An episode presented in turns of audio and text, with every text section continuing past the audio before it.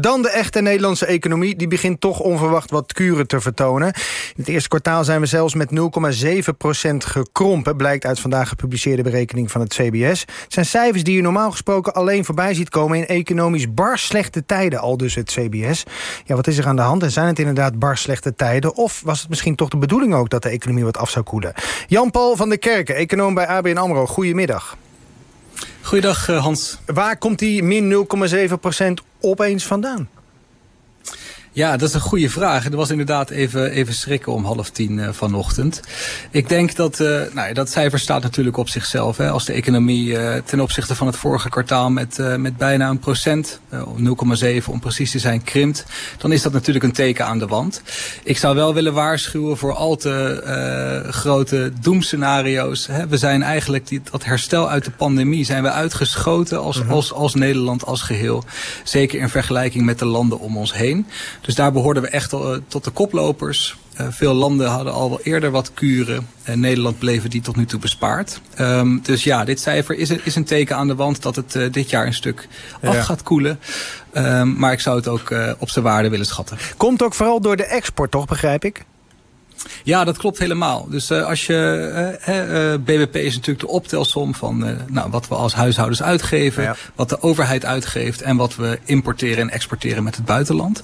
En met name die, um, de krimp komt met name uit die, uit die handelsbalans. Dus eigenlijk de export en de import, die lopen allebei terug. Maar omdat de export harder terugloopt dan de import, is dat netto negatief voor het, um, voor het BBP. Ja. En dat heeft er eigenlijk alles mee te maken dat er in het buitenland, dat daar de groei uh, al eerder wat aan het afzwakken was. Als we bijvoorbeeld naar de VS kijken, maar ook naar de eurozone, Duitsland, hele belangrijke handelspartners ja. van ons. Daar loopt die vraag al wat eerder terug. Ja, en dat is uh, ook uh, exportvraag naar Nederlandse producten. Ja, er wordt gewoon minder gekocht uh, bij ons, zou je kunnen zeggen. Hey, en en, en, en Jan-Paul, dat is ook geen goed nieuws voor het kabinet. Want, want de hele begrotingen zijn gebaseerd op een prognose van het planbureau. En die voorspelde dat de economie dit jaar met 1,6% zou groeien. Ga, gaan we dat nog halen? Ja, die 1,6 die wordt, uh, die, die wordt lastig. Um, wij hadden zelf voor vandaag een raming van 1,2 procent. Dus we waren wat pessimistischer dan het CPB al. Ja. Ik denk ook dat het de vraag is of we die 1,2 procent nog gaan halen. Dus ik denk dat we allemaal uh, wat dat betreft terug naar de tekentafel moeten. Ook het kabinet um, met zijn begroting dus opnieuw. Want er was al een voorjaarsnota laatst waarbij uh, bijgesteld moest worden. Maar dat zou dan opnieuw moeten?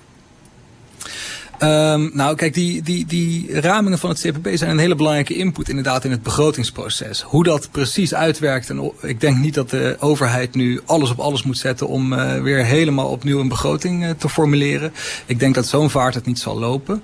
Maar het geeft wel aan dat, uh, en dat is volgens mij al hetgeen wat, wat de minister van Financiën, mevrouw Kaag, eerder al heeft aangegeven. We hebben hele sterke groei gehad uit die, uit die pandemie. Uh, veel uitgaven die daarbij hoorden. Um, de koek is een keer op en uh, er komen mindere economische tijden aan. Ik denk dat dit cijfer van vandaag dat ook goed en uh, mooi illustreert. En dat moeten wij ons met z'n allen dus realiseren. Wat je nu zegt, er komen economisch mindere tijden aan. Wat, wat even individueel op, op consumenten, op, op mensen beschouwd... wat voor mindere tijden komen er dan aan? Ja, dat, dat is een hele goede vraag. Omdat je, als je zo'n zo'n zo'n uitspraak doet, dan uh, slaan al gauw de, de, de wat pessimistische scenario's grijpen je naar het hoofd. Nou, dat wil ik niet. Dat, dat ja, je maakt mensen zenuwachtig nu.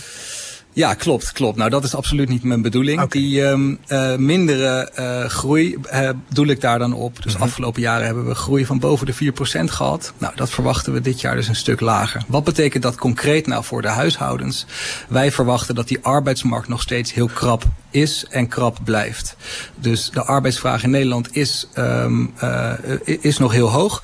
Maar wel dat die arbeidsmarkt misschien iets minder krap wordt dan die nu is. Mm -hmm. He, we hebben uh, gezien dat eigenlijk de afgelopen tijd... dat de vraagkant van de economie... er was heel veel vraag naar boodschappen, naar restaurants... heel veel uh, vraag om diensten te consumeren. Dus dat zijn de uitjes naar Artis, naar het Rijksmuseum. De Vermeer tentoonstellingskaarten waren volgens mij binnen vijf minuten al, ja. al verkocht. Dus dat toont een beetje aan die, die kracht van die vraagkant van de Nederlandse consument. Nou, en daar, daar verwachten we dus wel van dat die wat gaat, uh, wat gaat afzwakken. Dus ondanks ook dat, het, ondanks dat er diverse cao's afgesloten worden met, ik noem maar wat, 10% loonsverhoging? Ja, dat, dat, dat is uh, ook een heel goed punt wat je daar aangeeft. We zien ook dat er heel veel bij komt aan de inkomenskant van huishoudens. Dus het is ook niet zo dat we verwachten dat die vraag helemaal wegvalt. Eh, je zult mij ook niet horen zeggen dat we van vandaag op morgen niet meer naar Vermeer gaan of niet meer naar Artis gaan. Nee, maar ondanks, uh, die, ondanks dat soort stijgingen, overal gezien zal het toch wat minder worden, zeg jij. Ja, minder, uh, minder uh, sterke groeicijfers, ja, ja. zeker. Ja. En dat uh, is ook ergens beoogd natuurlijk. Ja, um, want dan, dan wil ik even met jou naar een uitspraak van Klaas Knot... die dat al, die heb ik onthouden, die uitspraak. Ik weet niet waarom, maar ergens was die beeldend. vorig jaar oktober zei hij al... Het, het is eigenlijk wel goed als de economie een beetje afkoelt... want ik vergelijk de huidige economische situatie vergelijk ik met hotels. Um, en dan is het een hotel dat meer overnachtingen verkoopt... dan dat het kamers heeft. Kortom, ja. het moet wat minder. Ja, dit is, dit is goed nieuws, zou ik willen zeggen dan vandaag. Ja, in, in dat opzicht zou het, uh, is het enerzijds goed nieuws, anderzijds uh, minder. Daar, daar, zal ik zo op ingaan. Maar even nog aan te geven, uit te leggen wat Klaas Knot hier bedoelt. Die Nederlandse economie is, is oververhit. Dus, en dat bedoelt hij met de beeldspraak ja. met de hotels. Ja. Um, we verhuren meer kamers dan dat we hebben. Dus de vraagkant in de economie, die is eigenlijk groter dan wat we met elkaar kunnen produceren. En dat loopt het risico dat als je dan een inflatieschok krijgt, die misschien begon vanuit energie, uh -huh. uh, dat die zich eigenlijk langer nestelt in je economie. En dat daardoor inflatie langer hoog blijft dan je misschien uh, zou willen. nou, de loonprijsspiraal is ook al paar weken geleden bij Buitenhof genoemd. Ja. Dat zijn dan de gevaren als je lang in zo'n situatie zit. Nou, wat probeert de ECB daar tegenover te stellen? Die probeert die vraagkant eigenlijk in lijn te brengen dus alle uitgaven die wij in Nederland doen in lijn te brengen met het aanbod, wat het aanbod aan kan. En dat proberen ze met renteverhogingen te doen. Mm -hmm. Nou, hoe, moet dat, hoe werkt dat dan heel concreet door? Um, als uh, de rente is omhoog gegaan, nou, dat heeft bijvoorbeeld een effect op de huizenmarkt. Uh, die huizenmarkt is, is, is gedraaid. We hebben uh, prijsdalingen gezien. Nou, wat heeft dat voor gevolg? Dat heeft ook allerlei gevolgen voor de bestedingen. Hè? Als je als huishouden, als je huis wat minder waard is, dan voel je je minder rijk als huishouden. Dus ga je minder snel een bank kopen. Ga je misschien eerder kiezen om wat geld te sparen en misschien iets minder vaak een uitje te nemen. Dus dat is, zijn op heel veel verschillende manieren werken die hogere rentes door in de economie.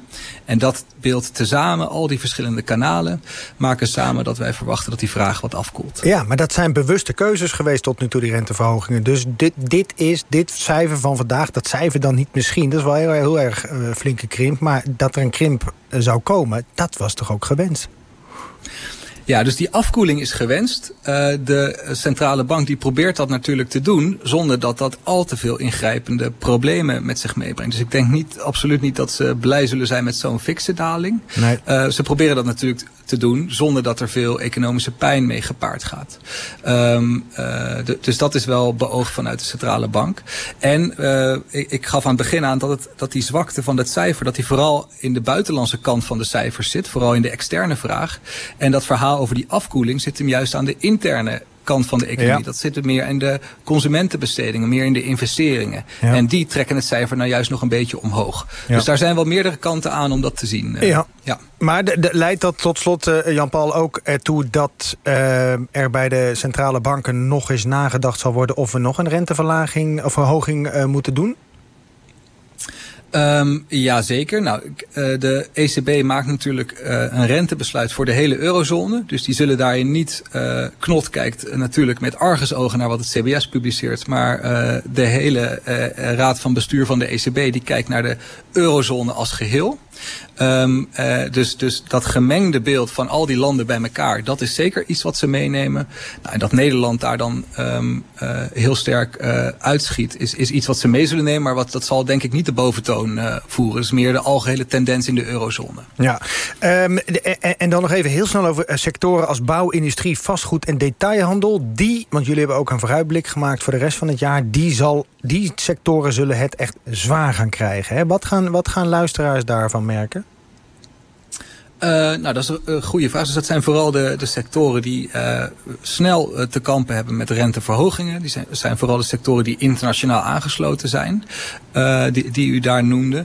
Wat gaat de luisteraar daarvan merken? Nou, ik denk eerder dat het andersom is. Dat um, vra minder vraag vanuit de luisteraar misschien, of ik weet niet specifiek ja. de luisteraar, maar dat de bedrijven gaan, gaan merken dat de, dat de vraagkant wat terugloopt. En dat ze dus niet in dezelfde mate, misschien als afgelopen tijd, prijsstijgingen kunnen doorberekenen. Omdat er misschien wat minder vraag is. Dat ze mis, misschien minder snel die investering zullen doen. Dus ik denk eerder dat de volgordelijkheid andersom is. Dan ja. dat de luisteraar daar iets van gaat merken van de bedrijven. Als ik jouw hele verhaal bij elkaar voeg. Dan, dan gaan we misschien wel toe naar een wat normalere situatie. Met dit, uh, dit krimpcijfer van vandaag als aanleiding. Uh, we gaan het zien. Dat is het leuke van, uh, van mijn vak. En ook het leuke van het cijfer van vanochtend. Dat het, uh, je kan er heel veel zinnige dingen over zeggen. Maar ook heel veel zinnige dingen achteraf. Dus het is altijd moeilijk om vooruit te kijken. Maar dat is ook het leuke van mijn werk. Om dat toch te doen en okay. te proberen. Ja, nou dan stoppen we dit gesprek in het archief. Kunnen we daar vast nog eens op teruggrijpen, Jan-Paul van der Kerk. Mag je me altijd aan herinneren. Dankjewel Hans. Kijk aan, econoom bij ABN AMRO ben jij. Van harte dank.